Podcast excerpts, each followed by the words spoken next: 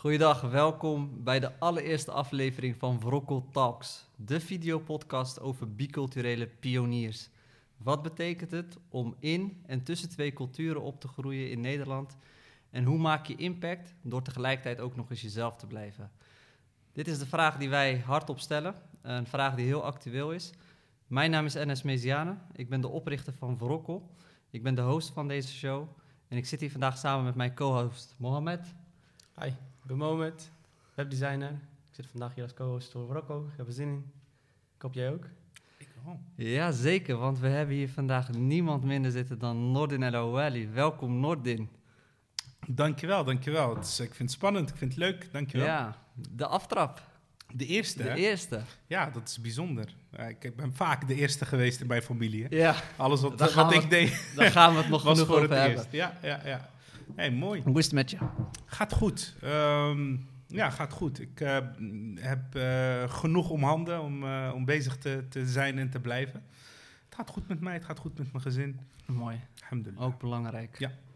hey, ehm, de kogel is door de kerk. Of de kogel is door de moskee. Wat kan ik beter zeggen? Ja, de, het origineel luidt kerk en eh, twee culturen versies waarschijnlijk moskee. Want vertel, er is, eh, ja, er is groot nieuws dit weekend eh, naar buiten Ja. gekomen. Dat klopt. Dit, dit weekend hebben wij een, een ledenvergadering gehad van NIDA. NIDA is een, is een emancipatiebeweging die een politieke partij heeft voortgebracht. Zeven jaar geleden begonnen in Rotterdam, later Den Haag, Almere. En eh, die leden die hebben een vraag eh, voorgeschoteld gekregen van het bestuur. En die vraag die luidde, eh, gaat NIDA meedoen aan de landelijke verkiezingen 2021? Mhm. En die, die, die, die vraag is beantwoord door de leden. En eh, ze- 96% volgens mij heeft Ja. alle, alle seinen op groen gezet. Kijk, Met andere woorden, er is groen licht. We gaan, we gaan Ja. meedoen. we gaan het daar zeker nog uitgebreid over hebben. Maar ik denk dat veel mensen die nu kijken en die jou waarschijnlijk herkennen van de Pauw en, en alle talkshows op de RTL 4 en eh, de publieke omroep, die zien je opeens met een petje zitten. Ja, Geheel in Vrokkelstijl. helemaal in Rocco Kijk, luister, ik hoorde het is een podcast. toch? ik denk podcast, ja, het gaat om wat je zegt, niet hoe je eruit ziet. Zeker Maar niet. normaal loop ik zo eh, door Rotterdam-West eh, af en toe ook. Is het overhemd. En dan, ja, het is gewoon... eh, Zou je het ook een keer kunnen wagen om zo richting de gemeenteraad te gaan? Oh ja, zeker hoor. Ja? Ik, eh, ja, ik, ik, ja, ik- uiteindelijk ik, ook gewoon een keer een gelebbe of zo. Ja. Weet je wel. voor, wie, voor wie niet eh, weet Ja. wat gelebbe is. Ja, daar houden we je aan, hè. Als ik in de kamer kom, ga ik met gelebbe. Eh, dat is gewoon een mooi traditioneel eh, Marokkaans eh, kledingstuk. Ja. Eh, dus ja, ik weet je, het is, ja, kleding zegt ook wat over je identiteit. En je zit in verschillende, verschillende settings en Ja. dan kleed je je ook verschillend. Ja, Het enige wat ik niet zo heel vaak draag, zijn echt eh, driedelige pak of zo. Behalve als ik naar een bruiloft ga. ja, ja. Dus dat, dat doe ik minder vaak, ja. Ja, je hebt het over identiteit en eh, dat is denk ik ook wel een belangrijk thema. Eh, los van hoe je je kleedt, eh, zijn er veel aspecten die een identiteit vormen natuurlijk. Ehm, en ik denk dat vele mensen je natuurlijk kennen van NIDA en wat je allemaal doet. En je komt geregeld voor in de media. Maar ik denk dat misschien weinig mensen de, de, de persoon of achter de lijsttrekker, achter de voortouw of het voortrekken van NIDA kennen. En daar zijn wij vandaag heel benieuwd naar. Ehm, en ik denk dat het misschien mooi is als, als we even de, de- terug de tijd ingaan. Ehm, en ik pak even een moment, de brugklas. Ja, Wie was Noordin in de brugklas? wie was Noordin in de brugklas? Noordin in de brugklas was eh, een jonge man die van Rotterdam-West, Bospolder Tussendijken, voor de Rotterdammers die, eh, die meeluisteren, ehm, een hele goede CITO-toets had afgelegd. Ja, wat had je gescoord? De HAVO-VWO, maar er werd, toch, er, werd, er werd toch MAVO, HAVO Ja. geadviseerd. Ja, verhaal is dat. bekend. Ja, verhaal. bekend verhaal. Ja. En eh, ik weet niet meer precies hoeveel punten, maar ik zat, ik zat echt. eh, het, was Mm. gewoon, Mm. het, het was gewoon een goede score. Het waren eigenlijk twee uit mijn klas. Ik zat op een zwarte school in de wijk. Ja, Ja, de meesten gingen allemaal naar eh, toch praktisch, eh, meer praktisch georiënteerd eh, Mhm. vervolgonderwijs. En ik en mijn klasgenootje Suleiman, vergeet ik nooit, Ja. waren de twee uit, uit, uit, uit mijn klas die, Ja. laten we zeggen, eh, ja, eh, HAVO of, of, of beter hadden gescoord. En ik moest van Dashaven naar de brugklas in Kralingen. Kralingen, Mm. dat was het Libanon Lyceum en Kralingen. Mijn ja, school, goed, man. Ja, jij ook? ja man. Hij zijn mooie dingen voortgekomen uit, uit Libanon eh, Lyceum. Zeker. Dus dat was, voor mij was dat wel een halve wereldreis, hoor. Ja, ja, Ik moest met de metro, het was wel goed, eh, de, de, de verbinding was wel goed. ja, Maar het was wel echt de andere kant van de stad. Ja. En, eh, dus het was voor mij heel erg wennen. Ik, kwam echt, ik, ben, ik ben gevormd in Bospolder Tussendijken. ja. Dat is echt, laten we zeggen, een wijk waar je echt de wereld ontmoet. Eh, en als ik bedoel de wereld, dat is echt alles. Mm. Alles behalve dan de autochtone Holla- Rotterdammer. ja. Of de Rotterdammer van autochtone komaf. Die waren nauwelijks nog daar in de wijk waar ik woonde. ja. Ehm, Dat is nu wel anders.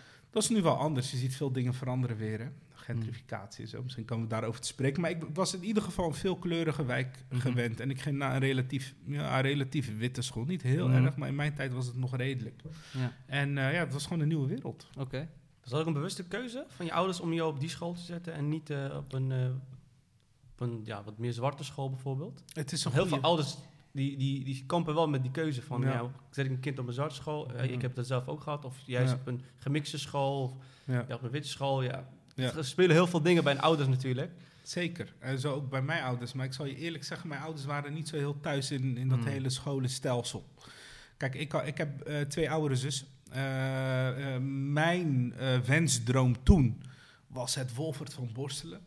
Dat was eh, in de wijk Hmm. waar ik, eh, waar ik eh, ja, ben opgegroeid, was dat de school waar je, waar je naartoe moest. Dat had een Hmm. hele stoere uitstraling. Mm. Ze deden daar ook tweetalig en ze hadden van die, van die lokkers en van die, van die, ja, van die kledingrekken die in de lucht gehezen werden. Weet je, het had, die, die school had wel een bepaalde uitstraling. Dus ik wilde heel graag naar de Wolfert van Borstelen. En toen was een eh, eh, zus van mij die daar anders over dacht, die heeft mijn ouders geadviseerd om niet naar de Wolfert. Maar naar het Libanon Lyceum te gaan. Ik had daar nog nooit van gehoord. Ja. En bovendien, die ene klasgenoot van mij, die wilde ook waarschijnlijk naar Wolfert van Ja. Dus wat je vaak ziet en doet, is dat je toch ja, je wil niet helemaal alleen ergens naartoe. Het is nieuw, het is eng. Dus je wil wel het liefst naar een school of naar een plek waar je misschien ook nog met klasgenootjes die je al Ja. ja. jaren met wie je samen bent gevormd. Die, dus dat was even, voor mij was dat inderdaad iets waar ik eh, Ja. helemaal niet blij mee was als ik zo terugdenk. Wat zei je tegen haar? Ik was echt boos. Ik was echt, ik was boos. Ik vond het, ehm, ik vond het niet eerlijk, weet je wel. Want Ja. ik had zoiets, ik wil gewoon naar de Wolfert. Maar ze had mijn ouders echt overtuigd dat Libanon Lyceum Ja. misschien een betere keuze was. Wat was En achteraf, was, was dat dat ook? Ja. Ja. ik kan het niet vergelijken natuurlijk. Ik heb Nee. maar één ervaring. Maar ik achteraf is het geen slechte keuze geweest Nee. in ieder geval. Oké. Wat was haar motivatie? Eh, ja, ze had iets meer ervaring. Kijk, mijn- mijn zussen, ja, allebei eh, eh, intelligente dames, maar eh, ook ondergeadviseerd. Het was echt de eerste lichting. Er zit iets van Ja. zes, zeven jaar tussen mij en, en, en, en, eh, Ze de probeerde ook te beschermen zus. waarschijnlijk een beetje. Nou ja, ze probeerden echt, laten we zeggen, van de dingen die zij zagen, het beste advies te geven. Ja, Ja. precies. En eh, dat is niet per se altijd de school die op de hoek is. Ja. Of de school die nog relatief binnen een bepaalde straal is. Soms moet je daar iets meer moeite voor doen en krijg je daar mm, waarschijnlijk ook iets meer voor terug. Mm.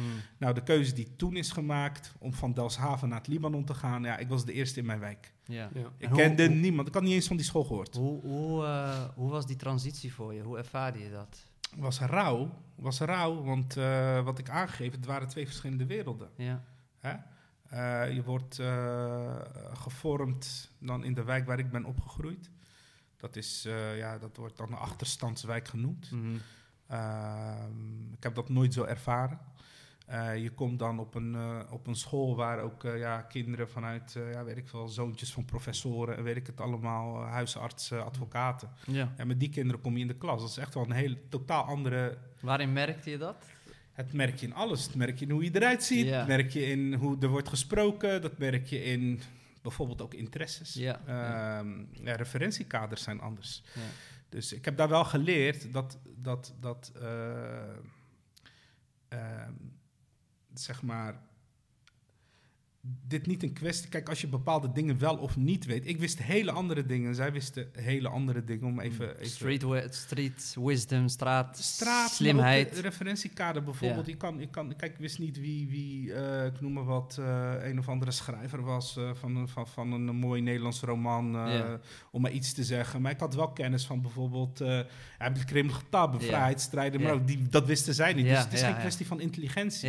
Dus als je dat niet weet, ben je niet, niet Nee. per se minder slim. dat is een andere referentiekader. ja, en dat ben ik wel gaan leren in mijn jaren op Libanon. Dus, Ja. dus dat dat niet de maat der dingen is. Ja, mooi man, Snap mooi. je? Eh, dat moest wel even, daar moest ik wel even wennen. Je had het net ook even over eh, je gezin. Eh, Kun je me iets meer vertellen over je ouders? Wanneer zijn zij naar Nederland gekomen? Ik neem aan dat zij naar Nederland zijn gekomen. Ja. Waar ze, wanneer zijn ze gekomen? Hoe, en, waar ik vooral benieuwd naar ben, is welke waarden en normen hebben zij jou echt proberen mee te geven? Ja, dat is een mooie vraag. Ehm, mijn vader is als uh, jongeman uh, naar Europa gegaan. Uh, hij heeft eerst wat jaren in zijn jeugdjaren eerst wat jaren in Algerije doorgebracht in zijn herinneringen, wat hij me Mhm. altijd vertelt, omdat ze waren gewend om in het noorden van Marokko, mijn vader komt uit, uit Rif gedeelte van Marokko, dat ze waren gewend om als seizoenwerkers zeg maar, naar Algerije te gaan om daar op het land te werken en zo konden ze extra verdienen om weer terug te komen. Dus die herinnering had mijn vader nog heel sterk. Het zou, het zou in de jaren 60 zo een beetje 50, 60 na de onafhankelijkheid zou het zo zijn dat Algerije de grenzen en, Mar en Marokko de grenzen zouden sluiten. Mhm. Dus toen kreeg je dat ze zich op Europa gingen oriënteren.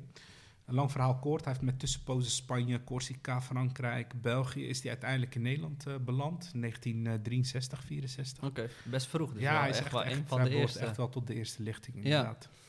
En um, heeft hier toen uh, zijn wortels geschoten en uh, is eerst begonnen als gewoon arbeider bij een aantal. Uh, hij, hij, heeft bijvoorbeeld als slijper gewerkt in de metaalfabriek, Ja. maar bij Berkel, uh, een weegschalenfabriek. Weet je, in ieder geval dat soort, dat soort baantjes. Mhm. En daarna is hij vrij vroeg ook gaan ondernemen. Mijn vader is analfabeet. Ja. Hij kan geen letter schrijven of lezen. Wacht eens even, wacht even. Ja. Je vader is analfabeet. Hij is analfabeet. Dat is veel van zijn generatie genomen. Ja. moet Ik zeggen. ja. Maar des te bijzonderder de, de stap die een generatie daarna al aan het maken is. Zeker, zeker. Kijk, mijn vader kan geen letter lezen of schrijven. Uh, Wauw. maar het is een hele slimme, eerlijke man. Uh, hij was de oudste uh, van zijn gezin. Ja. Hij komt uit een gebied wat vrij onderontwikkeld is in de zin van ze hebben niet veel. ja, het is soms ook gewoon heel moeilijk. Mhm. dus hij heeft altijd, hij heeft altijd het gewicht gevoeld om voor anderen te zorgen. Ja. Uh, als oudste jongen. En dat heeft hij ook altijd gedaan. Dus toen hij in Rotterdam kwam en hij na een paar jaar baantjes, verschillende baantjes heeft gehad, is hij op een gegeven moment gaan ondernemen. Hij heeft echt alles gehad. Mm. Uh, van, van autogarage. hij, zo handig is hij niet. Ik weet niet of hij ooit een auto heeft gefixt in zijn leven, maar hij had wel een autogarage. Tot aan uh, snackbar, tot, Ja. aan, tot aan en later echt heeft hij, heeft hij een van de eerste islamitische slagerijen in Rotterdam. Ja. Toen heeft hij er meerdere gehad. Is dat ook waar bij jou het, het, het, het vonkje is gaan branden voor ondernemerschap? Want je bent in wezen ook een ondernemer met hetgene wat je opzet, met hetgene wat je wilt bereiken. Ja. Heb je dat ook van hem? Ik denk het haast wel. Ik zie het ook terug in mijn gezin, zeg Ja. maar. Uh, uh, kijk, het mooie van mijn vader is, ik ben praktisch achter een toonbank opgegroeid. Weet je wel, als Ja. ik bij mijn vader in de zaak kwam, iedereen in de wijk noemt hem Mishaib in de jaren 80 en zo. Ja. Ik ben in Emmy 81 is geboren. even voor de... Is oom. Oh, oom, oom, oom Mishaib. Shaib Ja, is ja. naam. Ja, ja, ja. Als ik, je moet je voorstellen, ik kom die zaak in altijd, kwam ook graag, want ik kreeg echt altijd, weet je, kon snoep eten en zo. En, en ik kreeg ook echt, het was een gulden tijd, hè, dat weten heel veel luisteraars misschien ook niet meer, uh, of een deel wel. Maar ik, ik, kreeg ook altijd een zakgeldje als ik ging helpen in die Ja, zaak. Ja. Uh, dus hij heeft heel erg gestimuleerd om toch wel, weet je, ook, weet je, ook gewoon skills mee te geven Ja, van hoe je boterham kan Ja, verdienen. En altijd als ik die zaak binnenkwam, echt waar, dan zag ik meer mensen achter de toonbank dan voor de toonbank. Bij Emmy Shaib kan je naar binnen en er waren ook heel vaak heel veel illegalen in de wijk en zo. Mensen Ja, zonder ja. papieren die het best wel moeilijk hadden. Ja, ja. Je mocht bij mijn pa, er stond altijd eten op het vuur. Je mocht bij mijn pa, als je daar binnenkwam, mocht je eerst eten en dan je boodschappen doen of andere dingen doen en dan weer weg. Dus had ook echt, echt. Mijn vader heeft altijd een zwak gehad voor mensen die met de harde kant van het leven in aanraking komen. Mm. Dus hij hielp zijn gezin daar, maar hij hielp ook mensen in de wijk. Zo waar hij vandaan kwam natuurlijk zelf. Ja. Mm. Ja, ja, hij is dus ook opgegroeid in een omgeving waar je naar elkaar omkijkt. Ja, je hebt ja. elkaar Ja. nodig als collectief om vooruit te komen, om te overleven, letterlijk. Dus dat heb ik heel erg van mijn vader meegekregen. En mijn vader is analfabeet, dus mijn vader was ook zo. Het gemis van het niet kunnen lezen en schrijven maakte bij hem enorm ehm, ehm, duidelijk hoe belangrijk het is om eh, ja, goed onderwijs te genieten. Dus iets wat hij zelf nooit goed heeft gekregen, gehad, van heeft kunnen profiteren, maakte wel dat hij dat voor zijn kinderen absoluut niet wilde. Ja. En dat in contrast met mijn moeder. Ja. Laat ik daar ook even vertel ons graag. vertellen. Ja. Mijn moeder is in 1955 naar Nederland gekomen.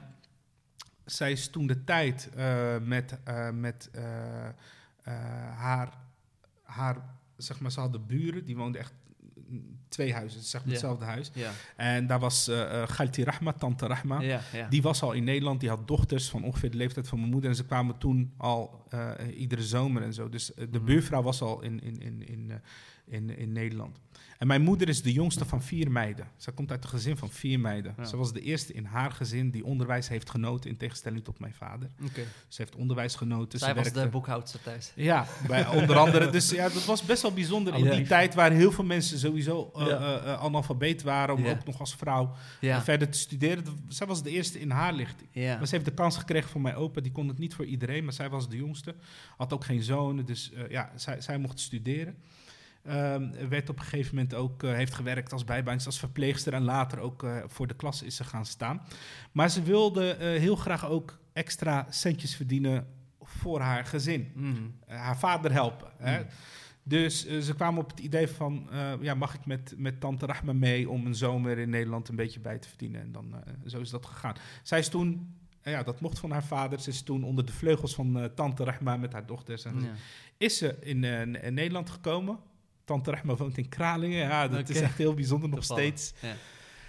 En, eh, en eh, ja, hoe ging dat? Mijn moeder was ook gewoon heel handig. Ze was heel handig met textiel. En weet je, in Marokko ja. leer je heel snel een vak.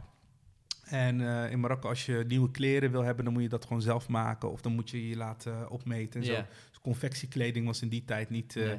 regeld. Het was echt dingen laat, laat je maken, ambachtelijk maken. Dus daar was mijn moeder ook gewoon heel goed in. En mijn vader had een, eh, een stoffenwinkeltje. En hij zocht mensen die dan eh, pakken gingen maken Mm. voor mannen die in pensions zaten. Dus mijn vader ging Mm. alle pensions langs.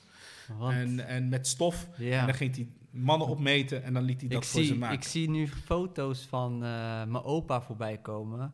Inderdaad, in die pensions. En ze droegen altijd van die Ze zagen pakken. met, uit, man. met, die, met die, weet je wel, die wijde pijpen. Hey bro, ze hadden stilo. Zo, hey. ja, noem maar op. Ze hadden, ja, ze smaak, ze hadden stijl. Die mannen Ja. hadden stijl. En eh, weet je, dus ik ken die foto's ook. Maar mijn vader was... De kans is groot dat mijn vader misschien ook wel een van die pakken voor ze heeft gefixt. Dus ze, ze gingen dat voor zichzelf regelen. Dat is wat ze thuis gewend Dus echt die zelfredzaamheid. Zelfredzaamheid. Dus mijn vader ook al daar weer ondernemend. Ja, En die had een groep eh, eh, eh, vrouwen, mannen ook, weet je, die dan gewoon werkten. Die Ja. konden gewoon eh, bij mijn vader in dienst Mooi, om die mooi. pakken te maken. Zoals- Mijn moeder was daar één van. Hm. Een lang verhaal kort, zo hebben mijn vader en mijn moeder elkaar ontmoet. oké. Mijn moeder is later eh, ook hier in Nederland les gaan geven. Met name aan vrouwen die eh, analfabeet eh, zijn. Dus ze heeft Mm. ook heel veel jonge mensen lesgeven. Arabisch les wil Ja, ze staan.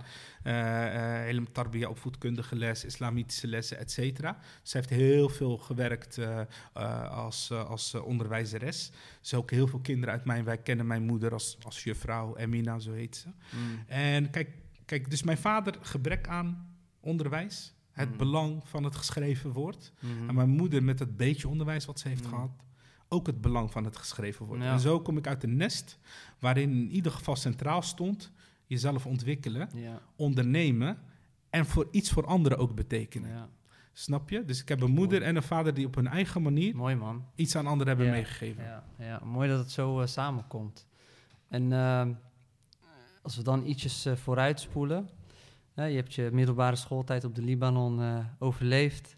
Ja. Je, bent, eh, gaan je bent gaan studeren. Wat, wat voor studie heb je gedaan? Ja, kijk, ik heb, ik heb enorme omwegen gehad. Ja. Want het belang van studeren was echt wel meegegeven vanuit huis. Maar je moet zien, hè, we zijn de eerste generatie hier in Nederland geboren. We zijn aan het pionieren. Je vindt het, je vindt het heel moeilijk, heel moeilijk om, ehm, om je weg te vinden. Eh, dus ik heb, ik heb wel wat omwegen gehad. Ik begon dus op het VWO. Eh, Ik ging naar de tweede, derde, naar de HAVO. En ik zou uiteindelijk eh, echt met de hakken over de sloot zou ik mijn examen halen. Ik wist totaal niet wat ik wilde doen. Hmm. Dus ik ging op een gegeven moment een bijbaantje zoeken. Ik ging geld verdienen. ik wilde ook een beetje mezelf losmaken Mm. van, van thuis. Ik wilde de wereld ontdekken. Reizen bijvoorbeeld, dat soort dingen. En ja, thuis werd het toch wel ja, goed bedoeld, maar er werd toch wel, weet je... eh, eh, Een bepaalde druk op je gelegd. Of, ja, verwachtingen. verwachtingen, ja. maar ook bescherming, Mhm. weet je wel. Dus alles voor mijn ouders was ook wel een beetje vreemd, nieuw en dus ook gewoon gevaarlijk. Mhm. Maar ik als puber in mijn tijd, ik wilde gewoon de wereld ontdekken. Dat, dat, dat, dat, eh, dat, doe, je op, dat doe je gewoon eh, ook wat je leeftijdsgenoten doen. Ja. En dus eh, probeerde ik me ook los te maken van huis. Dat is gewoon puberen eigenlijk. Mhm. Eh, en dat ging makkelijker, omdat ik ook mijn eigen geld kon verdienen. En daarmee waren de mogelijkheden groter. Wat was je eerste eh, bijbaantje? Ik heb van alles gedaan, joh. Maar ik heb... eh, eh, nou, mijn aller, allereerste bijbaantje was gewoon bij mijn vader in de zaak. Maar ik wilde ook onder zijn radar vandaan, je. hij, zei, hij had sonar, hij had alles. dus ik Hij daar- denkt van, kom, jij blijft hier bij mij werken Ja, en zie ja. ik wat je doet, ja, met ja, wie je ja, omgaat. dus ik was altijd onder zijn, eh, Ja. onder zijn bevoegdheid, Ja, zeg maar. ja. Eh, en dat ging gewoon heel goed. Maar Ja. op een gegeven moment ging ik... eh, Ja. eh, en dat wilde hij eigenlijk niet, weet je wel. Hij had zoiets van, ja, je hoeft niet voor anderen te werken. Ja. Ik- weet je, ik kan je geven wat je wil. Maar ik ging eigenlijk alles aanpakken. Ik ging pizza's bezorgen. Ik ging in de horeca werken later, weet je wel. Echt. Maar ik vond het ook leuk, omdat het ook een ervaring is waar je jezelf opnieuw vormt en zo. Het waren allemaal bijbaantjes, zeg maar, die, die vele mensen... Waarin ben je uiteindelijk afgestudeerd? Eh, ja, ik ben veel later ben ik, eh, ben ik eh, weer gaan studeren. Dus Ja. ik heb die tussenpozen genomen. Ja, En toen ben ik aan de Hogeschool Rotterdam SPH gaan studeren. ja. lang leven Stevie. Ja, Toen kon het ja, nog, hè? Ja, toen kon het nog. Ja, klopt. Ik heb het Ja. vrij snel gedaan. Ik heb één jaar in twee jaar gedaan. Ook nog eens. Toen ging ik op een gegeven moment parttime studeren. Ja, Want ik was... Kijk, in de tijd dat ik, dat ik ging werken... ehm, en ik eigenlijk ook het materialisme heel belangrijk vond. Want ja, ik heb eigenlijk, weet je, geld van mijn pa en, en bijbaantjes. Dus ik kwam eigenlijk niks tekort financieel. Mm. Zeker op mijn leeftijd. Ehm, ben ik er ook een beetje achter gekomen dat het eigenlijk een beetje leeg is, dat leven. Weet je wel, je, je loopt in de duurste broeken. En eh, op een gegeven moment kon ik ook eh, hele mooie auto's rijden. En eh, misschien iets te veel. Ik had misschien iets te veel eh, op een gegeven moment. Welke leeftijd hebben we het over dan? Ja, ik praat nu dat ik zeg maar na de middelbare school 17, 18, 19, Ja. 20 tot maar als ik dat vergelijk even met die jongens van vandaag de dag, hè, als je bijvoorbeeld hier gewoon even op kruiskade loopt, zie je dat ook, hè, dat, dat eh, ja, toch wel laten zien dat je iets hebt gemaakt van je leven. En ik, dat komt denk ik toch ook wel ergens van het feit dat je even in die achterstandswijk, noem, als je het zo wilt noemen, opgroeit. Eh, waarin eigenlijk iedereen aan het struggelen is met het overleven. En waarin het, eh, het presteren om een mooie auto, of in ieder geval om succes te hebben, dat je dat ook wilt laten zien of zo. Ja. Je hebt een soort van bewijsdrang naar je sociale omgeving van hé, hey, ik ben er uit ontstegen of zo. En dat, dat merk ik vandaag de dag nog steeds. Ja. Zie je dat ook? Zag, is, is dat misschien ook een beetje waar hoe jij in... eh, Ik denk dat iedereen op zoek is Ja. naar erkenning ja, en status. ja, Snap je? zeker. En daar is op zich niks mis mee. Uh, Maar als je status gaat definiëren aan de hand van uh, materiële bezittingen of erkenning gebaseerd op welke auto je rijdt of zo, wat zeker in de wijk waar ik ook ben opgegroeid best wel belangrijk was. Ja. Uh, um, dat komt, dat komt, ja, je wil eigenlijk een soort van economische onafhankelijkheid naar Ja. buiten brengen. Van, ja, niemand heeft wat over me Ja. te zeggen, hoe meer, hoe beter. Ja. En dat is eigenlijk een leugen. Uh, als het gaat om, het geeft je leven niet meer diepgang of Nee. meer waarde. Maar ja, dan moeten mensen maar zelf ervaren. Voor sommigen wel, voor sommigen niet. Maar voor mij was dat eh, best op- oppervlakkig. Waarom zeg ik dat? Omdat ik op een gegeven moment, uh, rond mijn twintigste levensjaar, in één jaar tijd twee uh, uh, hele grote ongelukken krijg. Uh, die bijna fataal Okay. hadden kunnen zijn. Wow. Dus ik had dat ik gewoon echt op het intensive care kwam te liggen. Echt? Een auto-ongeluk was er één van. Ik had een, een, mooie Alfa Romeo. Ja. dat was een droomwagen voor mij toen Rood. de tijd. Rood, ja. weet je dat? Ja, dat waren ze. Dat waren dat ze. waren ze. Bordeaux, rode Ja. Alfa Romeo 156 was het volgens mij. Ja. Super, uh, Mijn oom heeft een beetje dezelfde leeftijd als jou, dus die... Uh, Ja, dat was dat echt was- wel een auto. Die had, die had geen achterdeurhendels, weet je wel. Nee, Dat klopt, ja. er was nog geen eh, navigatie. Nee, je had nog net de airco. Maar goed, Ja. maakt niet uit. Het was gewoon een mooie auto. Ik was, Ja. ik was echt... Ja, ik was echt best wel... Statusauto. Ja, ik was Ja. blij met die auto. En ik had een mooie vakantie voor ogen. En ik kom Ja. net de eerste dag dat ik in Marokko aankom. Ik ging naar Marokko. ja. En ik was je moet- eh, Je moet ook daar weer hè, laten Laten zien. ja, zeker. Ja, zeker. Ik ben, ik ben ook eh, guilty of charge, hè. Dus, Guilty eh, of Charge, ik denk heel veel van onze generatie absoluut. En het gaat nog steeds door. Wat voor jou die Alfa Romeo was, was voor mij die Golf 4. Bijvoorbeeld. Ja, die je? Golf 4 was ook gek toen eh, gewoon zelfs Golf 3 kan ik nog... Maar precies Ja. ook wat je zegt. Ik weet nog dat ik er echt heel lang mee bezig was om er naartoe te werken. Ja. Ik heb ook een jaartje was ik gestopt met mijn studie. Ja. Ik deed bedrijfskunde. Ik wist ook niet wat ik wou met mijn Ja. leven. Ik dacht, weet je, ik ga gewoon even een jaartje eh callcenter Ziggo werken. En ik, mijn korte termijn doelstelling was... ik moet met een mooie auto naar Marokko gaan dit jaar. Ja. Ja. En als ik daar zeg maar op terugkijk... eh, toen ik dat uiteindelijk had behaald... eh, hield ik er zo'n vieze nasmaak aan over. Ja. Want ik weet nog dat iemand mij in Marokko had aangesproken, een oudere dame. En die zei: Weet jij dat jij de reden bent dat zoveel jongens hun leven wagen op de zee? Precies. Ja. En ik stond daar helemaal niet bij stil. Ja, dat zijn rake Want- woorden. Ja, want Ja, je, ziet dan, aan. je ziet dan zo'n jong pikkie van 19 jaar in zo'n auto aanrijden. Ja. Terwijl daar mensen met 20 man in een huis wonen Ja. om, om, om de kosten te kunnen delen. Exact. En een auto gewoon echt al luxe is. Maakt niet uit of Ja. een Renault of een Ja. R-Cat is. Ja. Weet je, en precies, dus ik, ik, ik, ik, ik ben zeg maar denk ik nog wel iets van een generatie na jou, maar de Ja, het synoniemen... de- ontloopt de- elkaar niet veel. Maar weet je, kijk, het, weet je, kijk het, is, het is niet... Het zijn inzichten die we delen. We zijn een stukje verder in het leven. En eh, je wordt gevormd op een bepaalde manier. Ik zeg ook vaak, je ziet het plaatje, je kent het verhaal er niet achter. En sommigen steken zichzelf ook gewoon diep in de schulden om met die auto naar Marokko te kunnen. Of komen met diepe schulden terug. Ja. Weet je wel, om gewoon even een maandje ja, een leven te leiden. shinen. Ja, precies. En het wordt ook enorm aangemoedigd door die, door die, door, door die videoclipcultuur en, weet je, en snappen ik het allemaal, en- snappen. en, ja. Inmiddels heb je een generatie die los van mooie auto's eh, ook nog zichzelf aan het verbouwen zijn. Weet je, Ja. Ja, ja ook, die, ook die restaurantjes, hè, al die, die, die restaurantjes die, die, eh, die, komen als, die schieten als paddenstoelen uit de grond. ja. Van die Instagram-restaurants noem ik dat. Ja. Mensen gaan echt erheen gewoon om, om even gewoon een snap te maken. Ik heb van, het ik ben er ook geweest. En dan twintig andere mensen zien dat en gaan er ook. Klopt. De, de druk is vandaag de dag Ja. heel groot om, om echt gezien Uit, te uiterlijke, gezien te worden, uiterlijke ja. schijn. Ja.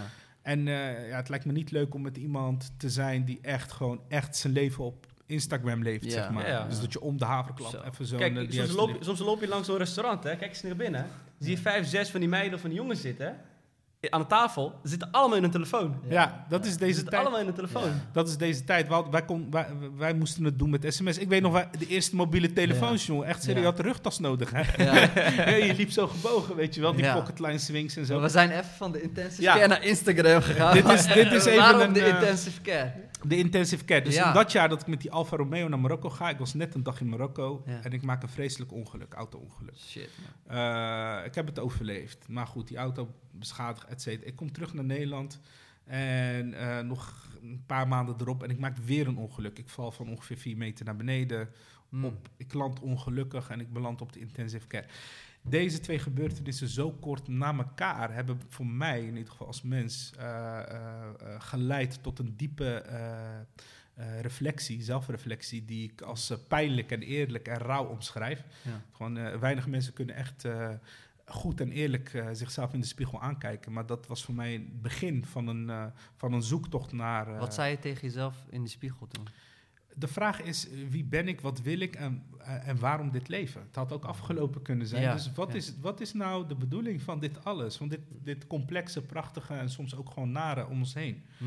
Wat is daar de bedoeling van? Ik wilde antwoorden op heel wat vragen. Mm. Dus ik kwam echt tot existentiële vragen, moeilijk woord. Mm. Een beetje op zoek naar zingeving, betekenisgeving. Ja. Die zoektocht. ehm, ik had in de jaar, ik heb, ik heb altijd één, ik noem het de reddingsboei gehad. Ik, ik, ik ben, ik ben, toen ik op de basisschool zat, ehm, had ik een beetje moeite met lezen. Ze dachten dat het taalachterstand was, maar ik ben licht dyslectisch. Dat, daar kom ik later op de middelbare school pas achter. Omdat Zo. een jongen in mijn klas kwam, Thijs heette die. En die kreeg altijd, ja, in plaats van A4'tjes, van die enorme grote Ja, vellen. ja, En die kreeg extra tijd en zo. En waarom, waarom dan, vroeg ik. Ja, nou, hij is dyslectisch, wat is dat? Beetje moeite met lezen. En ik dacht, hé, heb ik dat nou ook? Want mijn vocabulaire en zo, woordenschat was goed en zo. Da- daar lag het niet aan. Maar alleen eh, klassikaal hardop lezen, toen had ik heel erg moeite mee. En toen is dat getest uiteindelijk en, ik, en eh, was dat ook zo. Dus ehm, dat maakte dat ik een beetje afkeer had van lezen. Maar later zou ik eh, op mijn verjaardag een boek cadeau krijgen van een klasgenootje van mij. Ik zal haar naam nooit vergeten. Touria heette ze. Heette ze. Ze leeft nog. Touria. En die gaf mij het boek eh, De Gevangene van, eh, van Malika Oefkir. Met dat boek is mijn liefde voor het lezen geboren. Nog los van de druk die ik van huis had. Omdat Mm. ik eigenlijk al moest lezen, had Mm. ik ook een beetje natuurlijk Je afkeer. vader was blij met Touria. Ja, ja, zeker. nog net niet de- I- hij wou nog net niet de was blij met Turia, vooral ik. Hij wou nog net niet. Bijna, bijna. Maar, Wie is haar eh, vader? Wie is haar broer? Goed bewaard geheim. Maar ik ben daar wel, dat boek, Chronisch Slaapgebrek, ik had dat boek gelezen en ik wilde meer lezen en meer Ja. weten. Dus ik heb altijd een autodidact... Vonkje was gewoon... eh, Ja, nog over. los van onderwijs, ik heb een Ja. autodidactenlijn gevolgd. Ja. Van, van zaken die je niet worden aangedragen door het systeem, maar zaken waar ik zelf naar op zoek ging. En dat was vaak in het begin. Want je Dus zegt het systeem. onderwijssysteem even, of gewoon het systeem in brede, brede zin. Ik bedoel, we worden allemaal een beetje gevormd op een bepaalde manier. Eh, eh, maar, maar weet je, de wereld is, is, is meer dan alleen Ja. maar de plek waar je geboren bent. Ja. Eh, zeker voor onze generatie. Mm. Ik was enorm, door dat boek, enorm getriggerd om op zoek te gaan naar eh, mijn roots, dus geschiedenis. Kort vertellen waar het boek over ging dan? Want, De gevangene van Malika Oefkir gaat over een dochter van een, van een oud-generaal, Oefkir, generaal Oefkir, die, een lang verhaal kort, die een koep zou plegen op eh, de toenmalige koning Hassan II. Mm. En zij heeft dus eigenlijk eh, in het paleis voor een deel geleefd als jonge dame. Eh, dus zij, ze, ja, ze omschrijft ook hoe haar leven was eh, eh, op het paleis. En ze was ook, ja, laten we zeggen, vriendinnen met de, met, met de zusjes van de koning. En haar vader was, behoorde echt tot de elite in Marokko. Mm. Eh, maar door die koepoging zouden ze collectief bestraft worden en in de gevangenis worden gegooid. Prachtig boek, zelfs met een bijzondere ontsnappingspoging, et cetera. Maar ik leerde wel Marokko kennen door de ogen van een 16-jarig kind. Ha- zij dan, Oefkir, die haar verhaal vertelt eh, hoe dit heeft plaatsgevonden en hoe ze eh, 20 jaar vast hebben gezeten en ontsnappen, et cetera.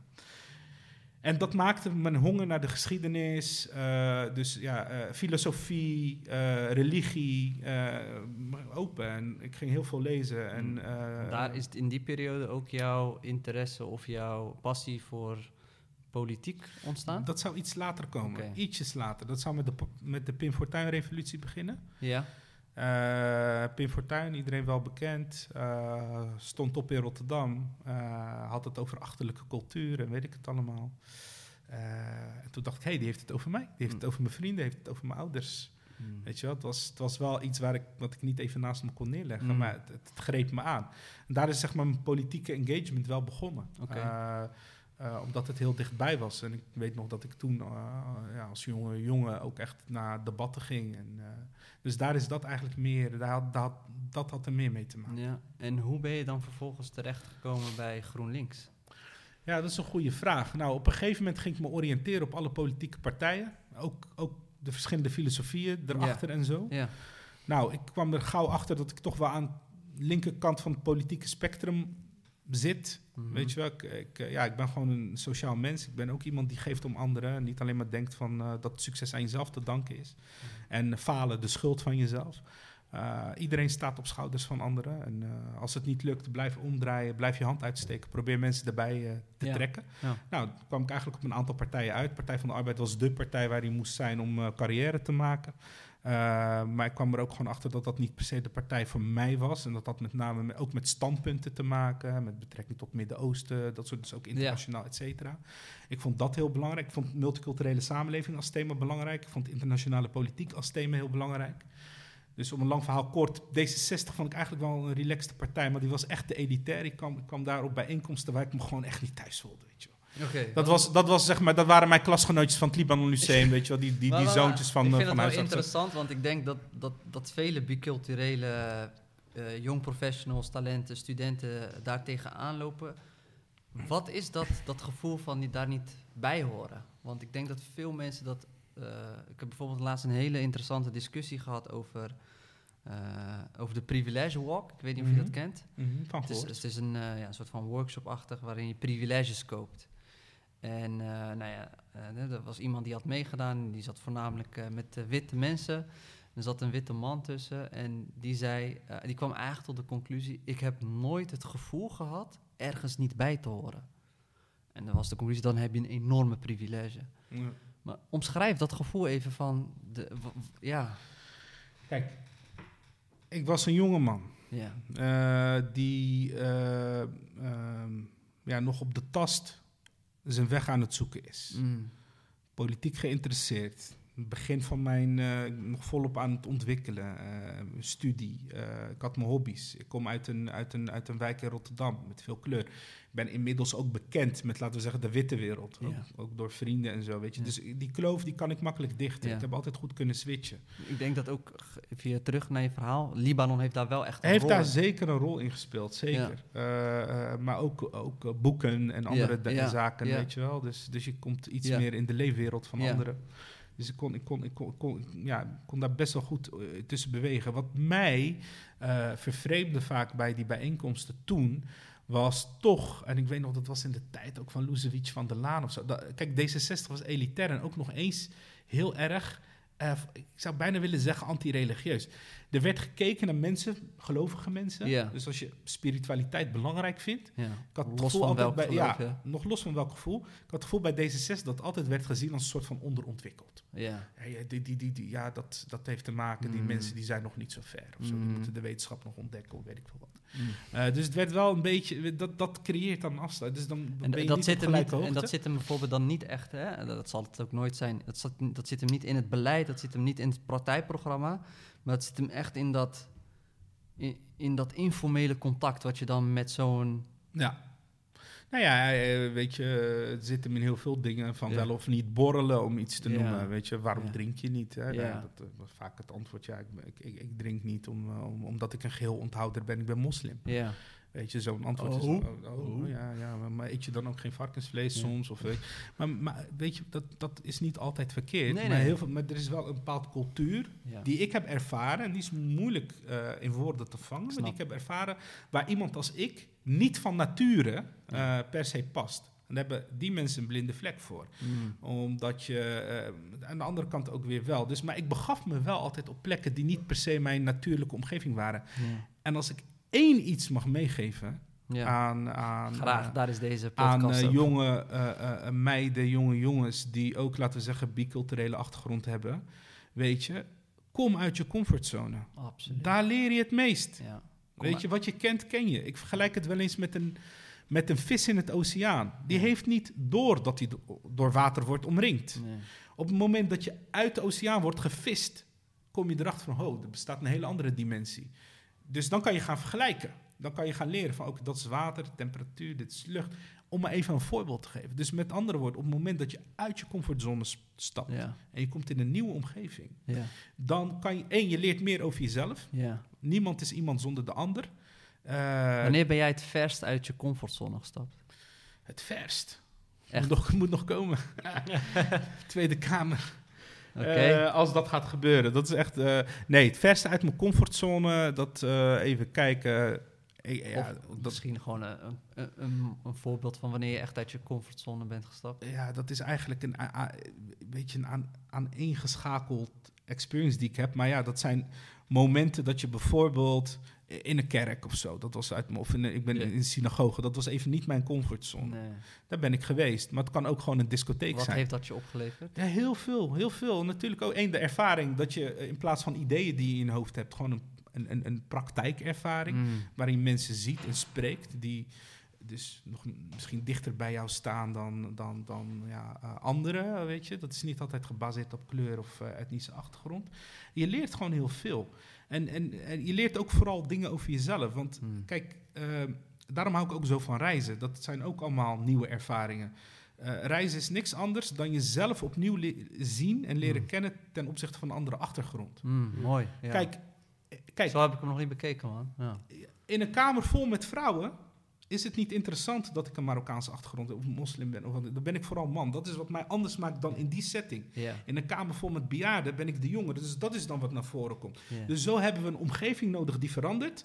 om verschillende elementen van onszelf ook weer te zien en, en, en te leren kennen, om te, op tasten. Dus dat is een, iets wat ik veel heb gedaan in mijn leven.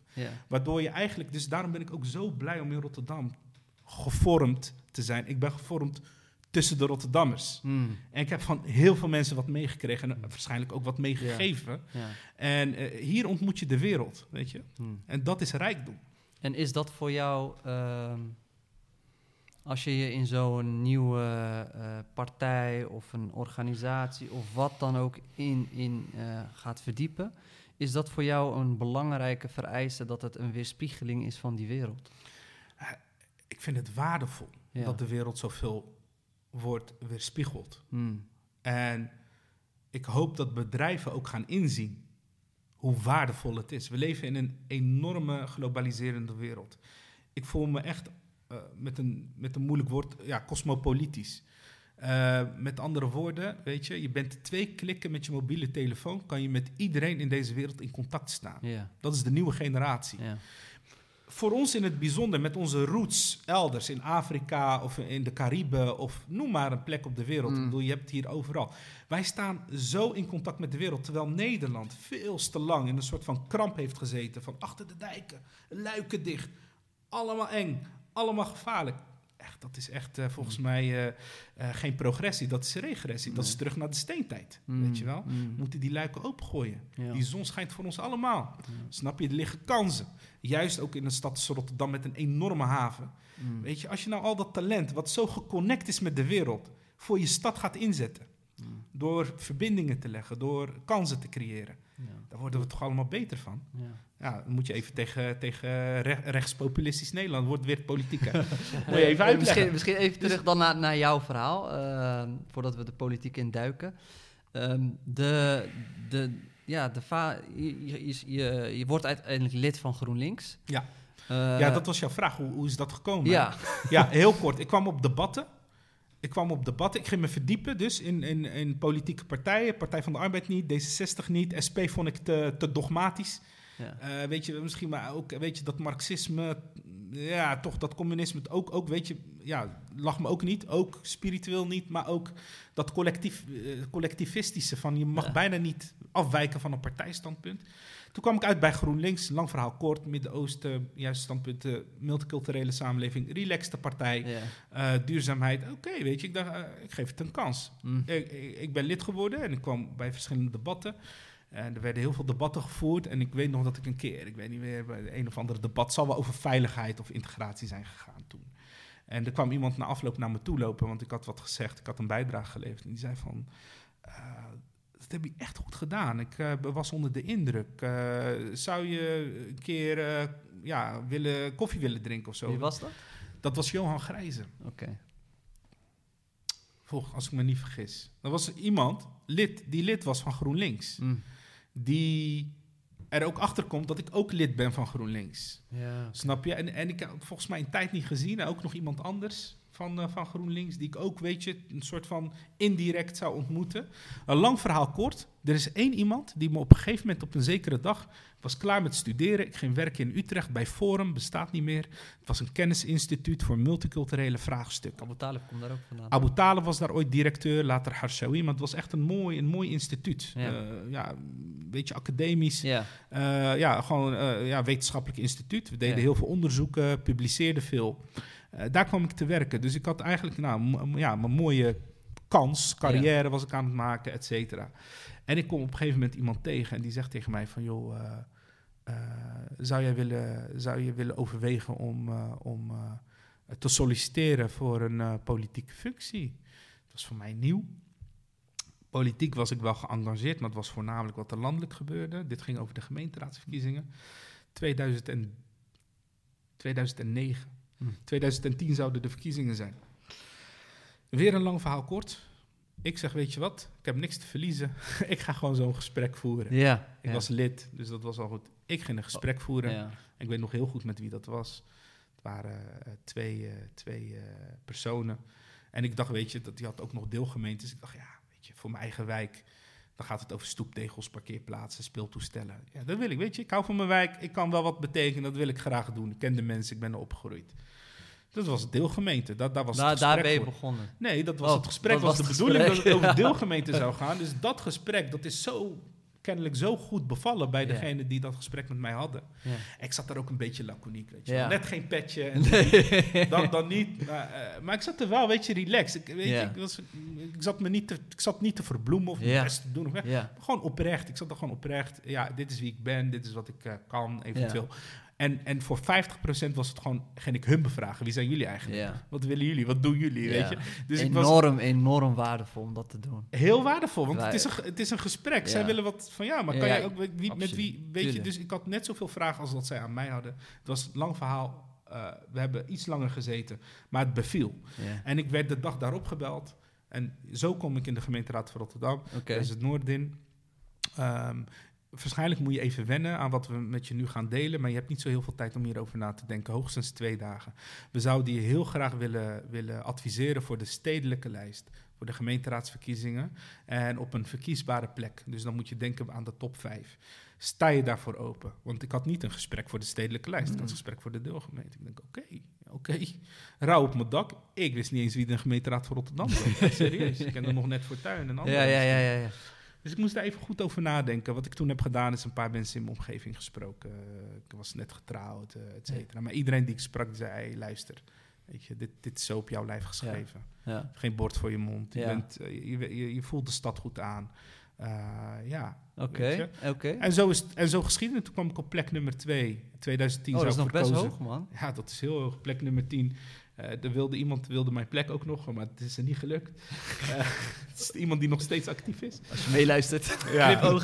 Ja, inmiddels wethoudster. Oh. Maar goed. eh, of nee, het was haar wel gelukt. Ik werd nummer drie op de lijst. Oké. Nee, nee water, sorry. eh, ik bleef nummer twee. Ja, lekker.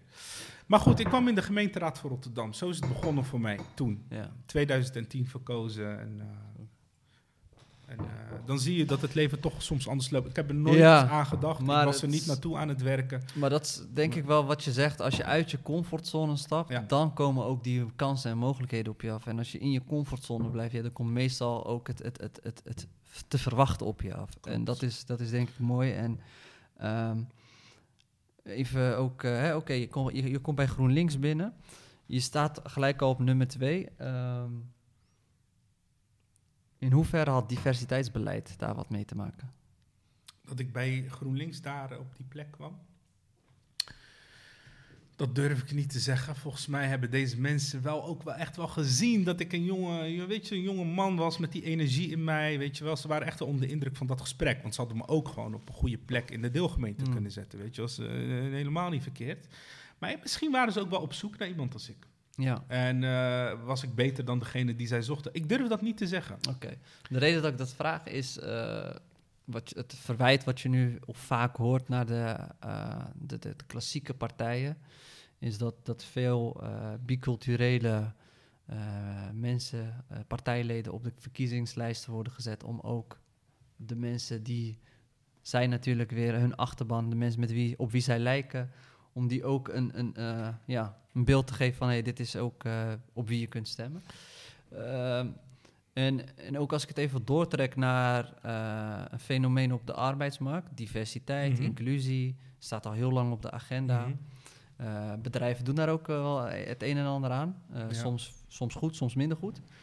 Ehm, maar wat je dan vaak merkt is in bedrijven waar dat soort eh, beleid wordt opgezet en uitgevoerd, dat er vaak een sfeer hangt. eh, een beetje een, een, een, een sfeer van, ja, jij bent kennelijk alleen maar naar binnen gehaald omdat jij dat kleurtje hebt. Eh, wat enorm veel tekort doet aan de kwaliteiten van mensen. En waardoor mensen zich ook uiteindelijk wat Vervreemd voelen. vervreemd voelen, inderdaad. Ja, ik denk dat dat het juiste woord is. Ben jij dat ook ooit ergens zo in, eh, niet alleen, ik heb het niet alleen over GroenLinks, of, of, en, en hoe ga je dat, daarmee Ja. om?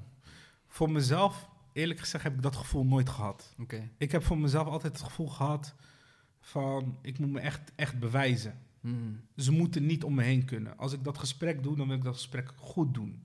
Dat is het gevoel wat ik altijd heb gehad. Niet van ik, ik, oh, ik, ik gun je of zo. Hmm. Of eh, weet je, ik, eh, ik geef je een kans. Ja. Ik heb echt altijd het gevoel gehad bij alles wat ik heb gedaan, ook qua, zelfs bij de simpelste bijbaantjes, Ja, van ik heb hem binnengehaald. ja. Snap je? Ja, maar het, is ook, het heeft ook te maken met, met dicht bij jezelf blijven dan, eh, denk ik ook, toch? Want kijk- als ik jou hoor van eh, hoe je net bijvoorbeeld erbij zat, dat heeft niet per se te maken met dat je, dat je, dat je ze wil impressen, maar Nee. vooral dat je jezelf wil zijn, maar Ja. je wilt ook weten van, hoor ik hier thuis Ja. of... eh, Die luxe positie had ik natuurlijk, want ik had een topbaan. Ik had, ik, weet je, dus je moet het je ook kunnen permitteren. Ja. En je Ja, moet het het, is ook een kunnen totaal- creëren. En je moet het kunnen creëren. Ja. Eh, ehm, eh, kijk, een van de dingen die ik, als het gaat om uit je comfortzone stappen, wat, wat hier ook op, op, op, op eh, gestoeld is, is een van de dingen. Ik, ik ging me steeds meer verdiepen in religie. Ik vond het belangrijker om wat te betekenen in plaats van eh, status of baan of zo. Dus dat, dat, daar was ik niet naar op zoek. Mm. Ik was op, op zoek naar zingeving. En de enige vraag die ik voor mezelf had toen ik daar zat, gaat dit zinnig zijn voor mij? Ga ik hier zingeving of ga ik hier eh, mijn tijd goed kunnen besteden, wat het ook voor, voor mezelf wat op gaat leveren? Ik deed de jaren daarvoor ook op een gegeven moment heel veel vrijwilligerswerk. Ik heb daar geleerd. Kijk, vrijwilligerswerk is zoiets waar je niet per se wordt gegund. Want niemand. Ja, de rijen zijn niet enorm lang voor vrijwilligerswerk, zeg maar. Ja, dat is overigens kan- wel waar wij elkaar hebben leren kennen. klopt. Bij MDLI. Ja, onder andere MDLI. Zeker. Ja. Dan moet je weer terug in de Zo. tijd. Ja, man. Maar naast MDLI ging ik ook, weet je, zo begon het op een gegeven moment. Door mijn spirituele bewustzijn wilde ik wat voor anderen betekenen. Ik ging op zoek echt op online, vacaturebank. Eh, en ik dacht, ja, weet je. En ik kwam daar een vacature tegen van een Surinaams-Nederlandse meneer, meneer Ozier. Eh, hij is Surinaams-Pakistaans. Nou, Mm. Meneer Ozier woont in een verzorgingstehuis, had een ongeluk gehad.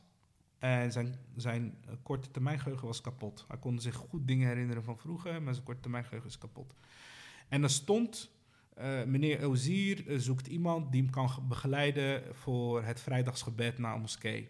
Weet je wel, dat had iedereen kunnen zijn. Hm. Ik dacht, hé, hey, ik ga sowieso iedere vrijdag, Ja. ik ga meneer Ozier meenemen. Ik vertel dit verhaal omdat ik het belang van vrijwilligerswerk, weer comfortzone, maar ook kansen creëren en krijgen. ja. Het begon met meneer Ozier. Op een gegeven moment ging ik vrijdag hem netjes brengen en ophalen. En eh, ik, ik, ik, ik leerde zijn wereld kennen. En op de afdeling van meneer Ozier wer- woonde ook mevrouw Boos. Eh, en, en, en Was meneer dat, eh, Veenstra. Leeuwhoek? Of? nee, dat Oh. was eh verzorgingstehuis Dashaven. Oké, oké. Die, zit, eh, die zit naast de ING-bank bij Mattenessenbrug daar. Ja, ja, ja, ik ken het. En ze zaten tijdelijk nog bij uh, Charlo's Lagendijk, weet je wel. Mhm, Ze mhm. waren vrij geïsoleerd. Dus op een gegeven moment ging ik met mevrouw Boos ging ik een boekje lezen. Met meneer Veenstra ging ik schaken. Hij hield van schaken. Weer een andere meneer, weet je. Eh, ja, die, was, eh, eh, die had in de scheepvaart gewerkt tijdens de oorlog. Die vertelde me een beetje over de oorlog, wat hij allemaal had meegemaakt. Ging kranten lezen, weet je, Ja, wat het daarover hebben. En zo ging ik steeds meer, weet je, als vrijwilliger in hun wereld. Wat ik daarbij wil zeggen is dat, kijk, dus ik had ook een hele indrukwekkende cv op een gegeven moment. Ik had zoveel gedaan. Ja. Eh, weet je, dus dan kan je ook wat bieden. Ja, snap je? Dus ik heb nooit het gevoel gehad van, je hebt mij iets gegund hier. Nee. Ik had een hele volle cv Je wist wat je waard met was. relevante ervaring. Eh, ik wist wat ik waard was. En eh, dat is ook weer het advies die ik meegeef. Ja. Niet alleen stap je uit je comfortzone als je vrijwilligerswerk doet. Werk heeft vijf functies. Ja. Het geeft je salaris. Ja? Het geeft je sociale contacten. Met sociale contacten vergroot je je netwerk, Netwerk. vergroot je je kansen. Enorm. Het geeft je structuur. Als je geen baan hebt, niet naar school gaat, dan weet je dat dag en nacht kan je net zo goed omwisselen. Hè? Maar werk, precies, niet goed. Werk geeft je structuur. Je Mhm. begint, je eindigt, et cetera. Het geeft je status, of je het belangrijk vindt of niet, het geeft je status. Eh degene die het meeste moeite hebben moeten doen voor een functie, bijvoorbeeld een rechter of een dokter, die staan vaak hoger in, de, Ja. in de samenleving dan iemand die vrij iets simpels doet of helemaal niks. Die staat het laagst. Mhm. En het geeft je zingeving, wederom. Je geeft invulling aan je leven. Vrijwilligerswerk geeft je alles, behalve een salaris. Ja. Eh, maar als gelovig mens geloof ik in dat ik ook nog een andere rekening heb. Dat noem ik maar even een hersenetrekening, Ja. de goede dadenrekening. Ja, ja. Dus die, die, die bankrekening heb ik ook geopend. Dus voor mijn gevoel heb ik zelfs daar ook een salaris. Snap je? Die lessen, dat soort inzichten hebben voor mij het verschil gemaakt. Ja. Investeer. Je denkt, ik doe dit vrij, maar je krijgt er zoveel voor terug. Ga in het bestuur zitten. Ga eh, vrijwilligerswerk doen. Ga een boek lezen voor iemand. Of doe gewoon wat je leuk vindt. Krijg je er niet voor betaald, doe het eerst vrijwillig. Zodat je ook vlieguren maakt. Ja. Zodat je ook ervaring opdoet. Zodat Ja. je naar een functie kan solliciteren. Dan kan je zeggen, maar ik heb ervaring. Ja, precies. En, en, en eh, als je dan zeg maar kijkt naar de huidige generatie, is dat iets wat je mist? Ja, ja, ja, ja. ja. En, en hoe zou je die, zeg maar, Ja, die, die generatie daarin kunnen activeren? Eh, Los van dat ze hier naartoe hier kijken en luisteren. Kijk, jij, daarnet had je het ook over schakelen, om bij jou aan te sluiten, bij jouw vraag aan te sluiten, zeg Ja. maar. Hè? Want je, zei, ik leerde schakelen op een gegeven moment, zei je. En dan had je het over, eh, in de context van eh, die, ja, de wereld die je kende en die komt in een wereld, weer de wereld terecht. ja, En je zei, ik leerde schakelen. ja. Kan je ook, zeg maar, die koppeling maken van, oké, hoe leer je dat? Hè? Dat schakelen, of hoe belangrijk is dat, zeg maar? Ja. Want heel veel Ja. mensen denken, hebben ook het gevoel van, maar ik wil helemaal niet schakelen, weet Ja. je wel? Ik wil gewoon mezelf zijn en ze moeten me dan accepteren. Maar Ja. dat schakelen, dat is toch wel een belangrijke eh, tool hè, die je moet leren. Ja, kijk, men moet je ook gewoon accepteren, maar dat is niet het schakelen waar, hier, waar het hier om gaat. Kijk, als jij. Geef me even gewoon een heel simpel voorbeeld. Als jij heel je leven in een bibliotheek komt. en je komt voor het eerst in een discotheek. en je denkt het is hetzelfde, dan gaat er iets fout. Je bent nog steeds dezelfde persoon. Ja. Maar het gedrag wat je in een bibliotheek laat zien en wat daar geaccepteerd wordt, is totaal anders dan in een discotheek. Je kan niet met discotheekgedrag in een bibliotheek gaan staan waar iedereen gewoon rust verwacht. eh, eh, weet je, Ja, eh, ja. sereniteit, et cetera. Of een moskee of een supermarkt, of, maak maar. Dus je leert schakelen in de zin van, je leert de sociale codes, de ongeschreven regels en hoe het eraan toe gaat. En dat is, dat is een gereedschapkistje die je door het leven heen helpt. Ja. Als je daar handig in bent. Want sommige mensen zijn sociaal onhandig omdat ze die ervaringen niet op. En dat kan tot rare situaties leiden. Weet je? Mhm. Dat is, kijk, en ik denk dat mensen die in een biculturele, eh, eh, ja, bicultureel zijn, per definitie echt, echt serieus makelaars zijn van het leven. Zij kunnen heel goed partijen A en B snappen, lezen en bij elkaar brengen. Wij konden ook altijd bemiddelen voor onze ouders, naar welke instantie dan ook. Dat Ja, krijgen we ja. met een paplepel mee. En dat alleen al is goud. Kijk, Heb je wel eens zo'n brief eh, verkeerd eh, vertaald naar je vader? Oh, zal vast wel gebeurd zijn. Ik, had, ik had gelukkig ook nog, eh, hoe heet dat, eh, supervisie van mijn zussen. Die Ja, ja, ouder. dus dat, eh, weet je, maar, maar kijk, laat ik het zo zeggen. Daarom is een bi- bicultureel iemand heeft zoveel te bieden. Ja. Zoveel te bieden. Kijk, ik en Gert-Jan worden op dezelfde moment, op dezelfde manier getoetst. Mm. Ja? Het onderwijssysteem toetst Gert-Jan en ik op, precies op dezelfde manier. We krijgen eenzelfde cijfer. Mhm.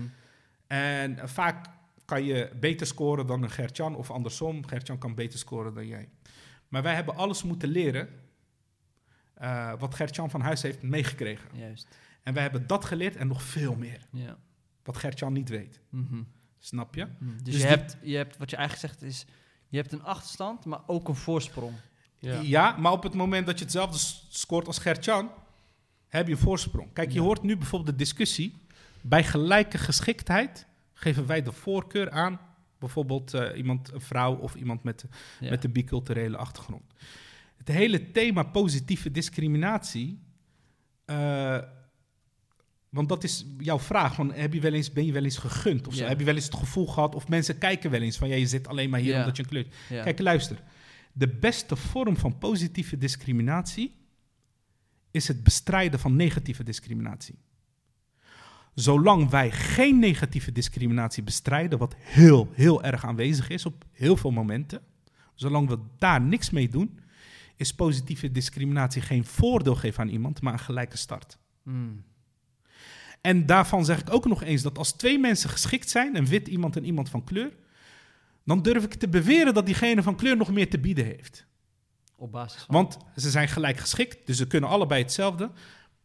Een docent kijkt naar wat hij weet en naar wat jij kan, maar hij kijkt niet naar wat hij niet weet en jij kan. Mhm.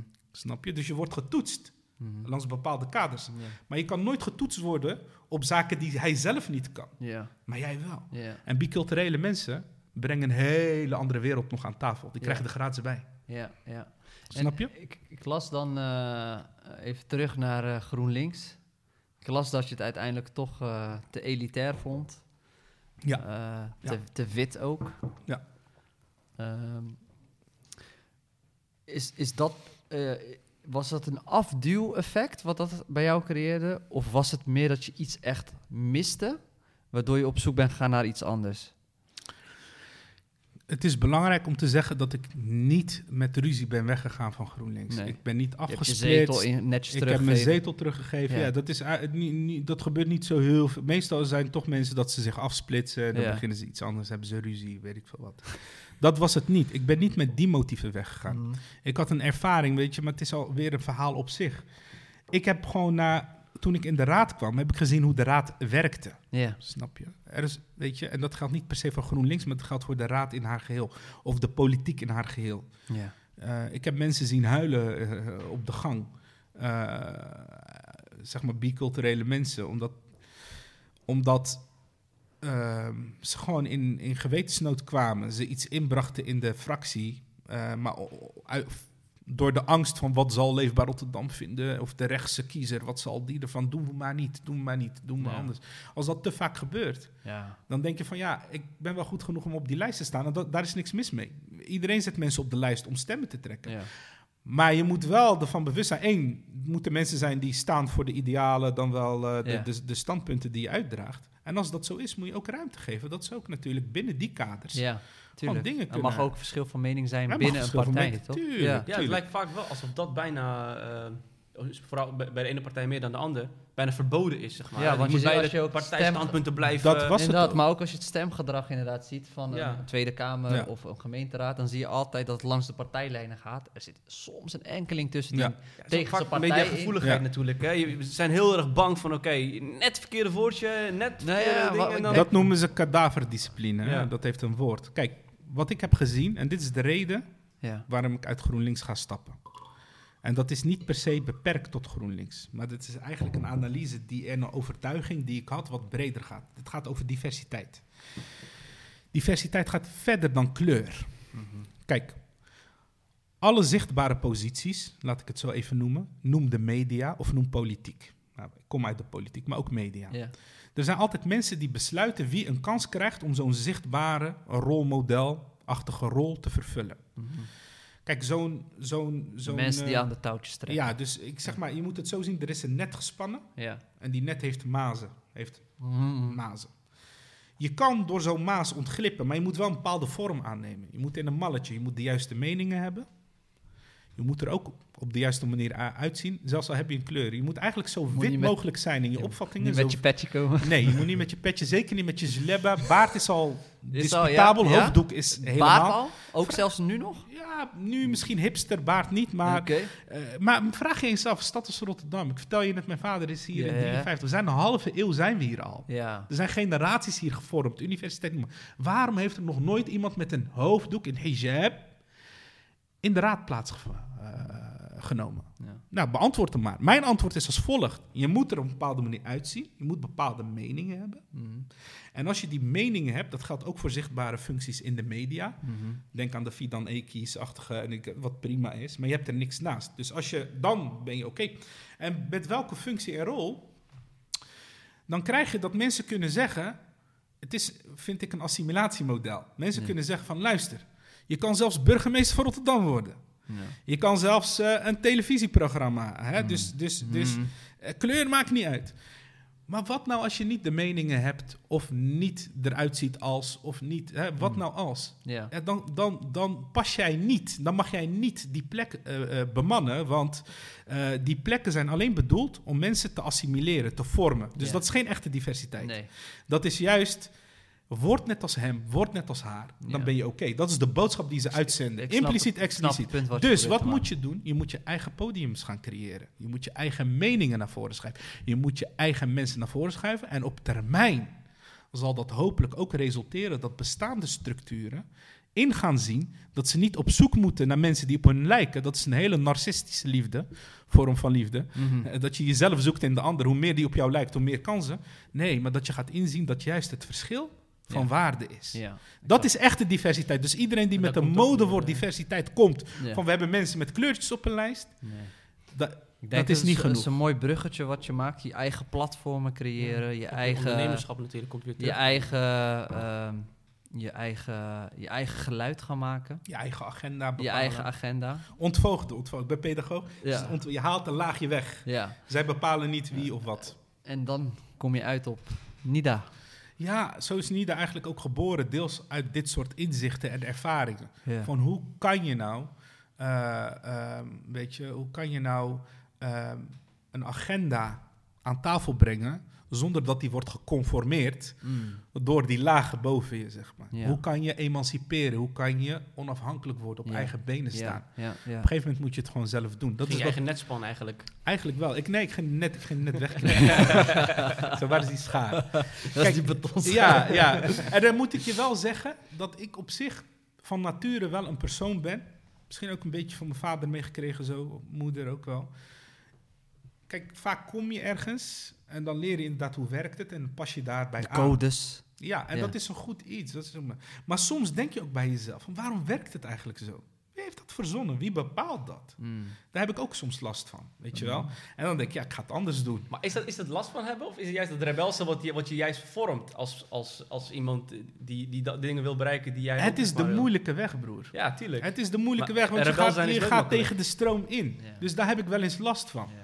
Want het is makkelijker om gewoon mee te bewegen. En, zo. en, som, en 90% is dat oké. Wat, is, wat is even, je, zegt daar iets heel treffends. Eh, je gaat tegen de stroom in. Dat vergt enorm energie. Eh, hoe zorg je dat je toch wel weer jezelf elke keer kunt opladen voor, dat, voor die emancipatiestrijd die je aan het voeren bent? Dit is een diep persoonlijke vraag. Mijn antwoord daarop is het gebed. Oké, Ja? Dat is mijn manier om me op te laden. oké. Om, het, om, om mezelf niet te verliezen in de wereld.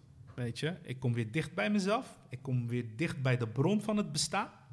En ik ga weer naar, naar, naar die boost ga ik weer de wereld in. Snap je?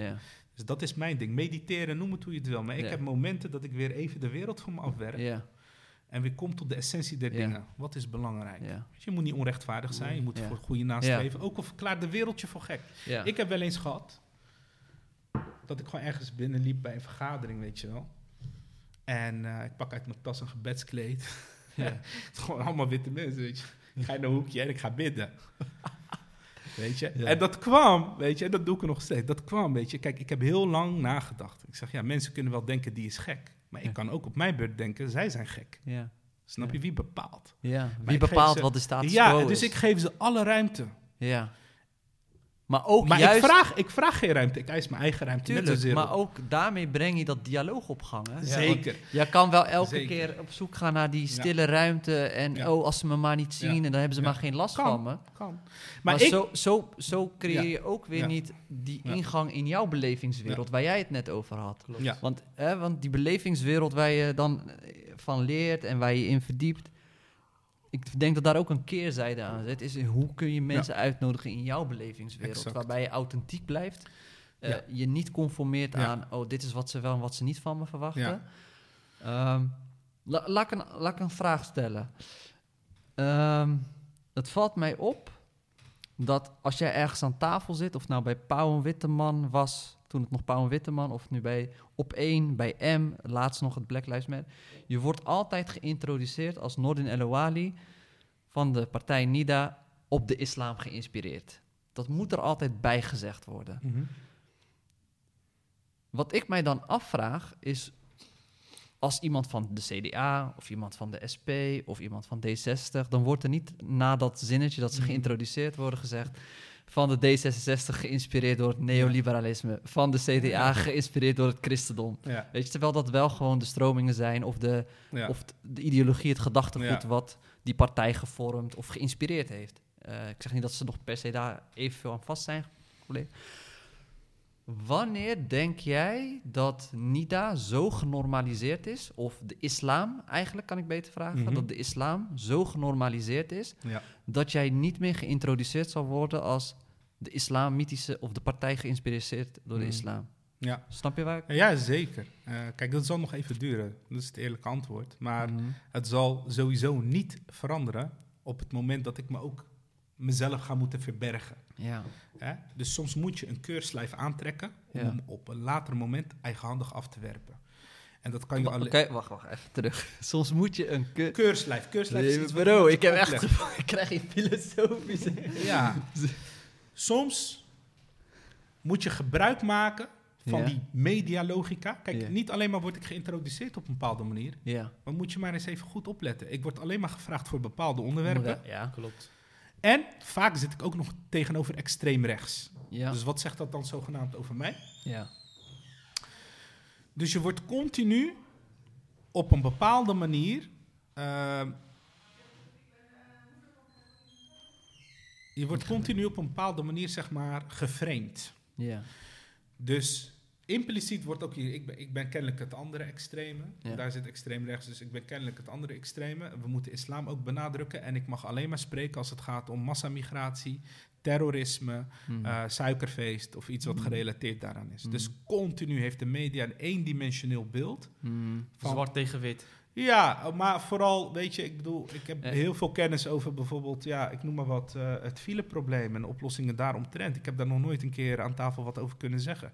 Dus wij worden continu... Wat, wat, wat, wat kan ertoe leiden dat dat wel gebeurt? Ja. Nou, door dus die keurslijf wel aan te... Ik ben bewust dat het zo werkt. Ja. Maar je moet maar even opletten. Als ik daar zit, dan doe ik niet mee in die val die ze voor me leggen. Ik stap er altijd... Probeer, het is ingewikkeld, maar ik probeer altijd nog mijn eigen verhaal te doen en eruit te stappen. Ja. En eh, dat is echt best ingewikkeld. Want Ja. je, je zit altijd... Weet voordat je ehm, toekomt aan datgene wat je wil zeggen... Word je, moet je eerst... eh, Twintig hordes nemen Ja. en, en, en, en vallen pareren. Ehm, maar, maar, maar er is nu wel een generatie die medialogica doorheeft. Mhm. En eh, if you can't beat them, join them. Hm. Dus ik, ik besluit dan toch maar om mee te doen, Ja, om vervolgens mijn eigen ding te doen. ja, Ik geef je één voorbeeld, recent. Ja. Recent. ja. We hebben aangegeven dat we landelijk mee gaan doen. In de geschiedenis van Nederland is het een uniek iets dat een islam geïnspireerde partij, zoals de media dat graag benadrukt, Ja. prima hoor, mee gaat doen aan de landelijke verkiezingen. ja. Ik had een afspraak met de redactie. Van joh, als jullie ooit mee gaan doen, alsjeblieft, kom dan als eerste naar ons toe. Want misschien hebben we dan een plek voor jou. Eh, zo Sorry, gez- de redactie? een redactie van, van programma's. Oké, ja. Een redactie, dat zijn mensen die besluiten wat komt Ja. erop, eh, Ja. hoe, komt het programma eruit te zien.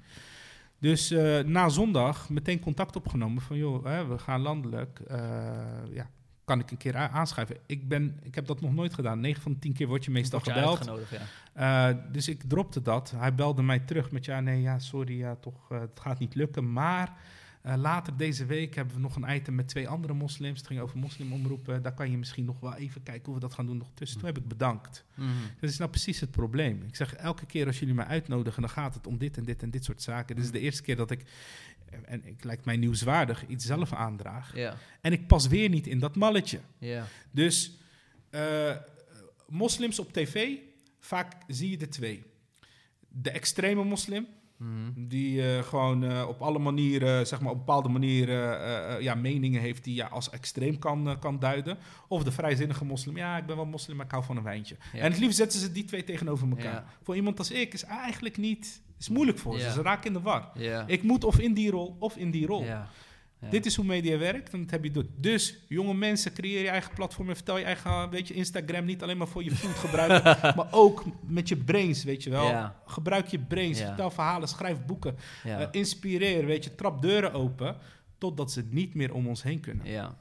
Mooi, man. Mooi gezegd, Mooi, ja. ja. En ja, En ja, je benoemde het, hè? De, de, de, de aspiratie om landelijk te gaan. Wat gaat het worden? Waar, waar gaan jullie op, eh, op mikken? Wat denk kijk, je? weet je, eh, ik zeg je eerlijk, ik ben echt positief. Ja. En ik geloof dat het kan. Ik heb heel mijn leven vaak gehoord dat ik dingen niet kon. Eh, de eerste keer dat ik in Rotterdam meedeed, iedereen verklaarde me voor gek. Weet je, je laat de relatieve zekerheid laat je varen voor totale onzekerheid. Dat is wat ik toen heb gedaan. Mm. Het lukte. We zijn zeven jaar verder. We hebben een fundament kunnen bouwen. Ik ben optimistisch. En ik vertrouw op God. Dat is altijd mijn backbone geweest om dingen te doen waar je misschien een beetje Mm. laten we zeggen, eng vindt. Waar je misschien s'nachts van wakker kan liggen. En na gaat denken van, wow, weet ik wel wat ik aan het doen ben. Ja. Dus, wat ik altijd zeg, is... Als het goed is voor mij... En voor mijn eindstation, Mm. om me even zo te Mm. benoemen... Mogen God het makkelijk maken. Mhm. Maar als het niet goed is, voor mij, voor mijn ziel... Mogen God het bij me weghalen. En daar vind ik mijn rust. Daar vind jij... Dus lukt het, ja.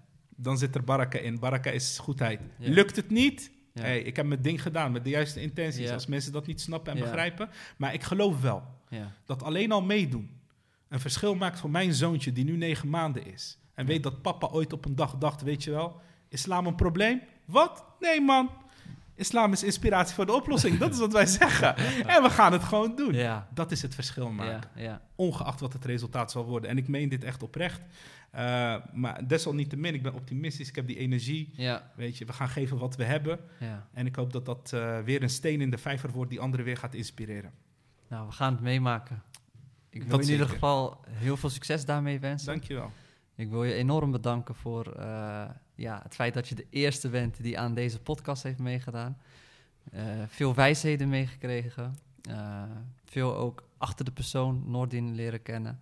eh, die we misschien wel vanuit de media en, en, en het politieke debat kennen. Dank daarvoor. Is er misschien nog een laatste als het aankomt op succesvol zijn of je weg naar succes of je dromen najagen?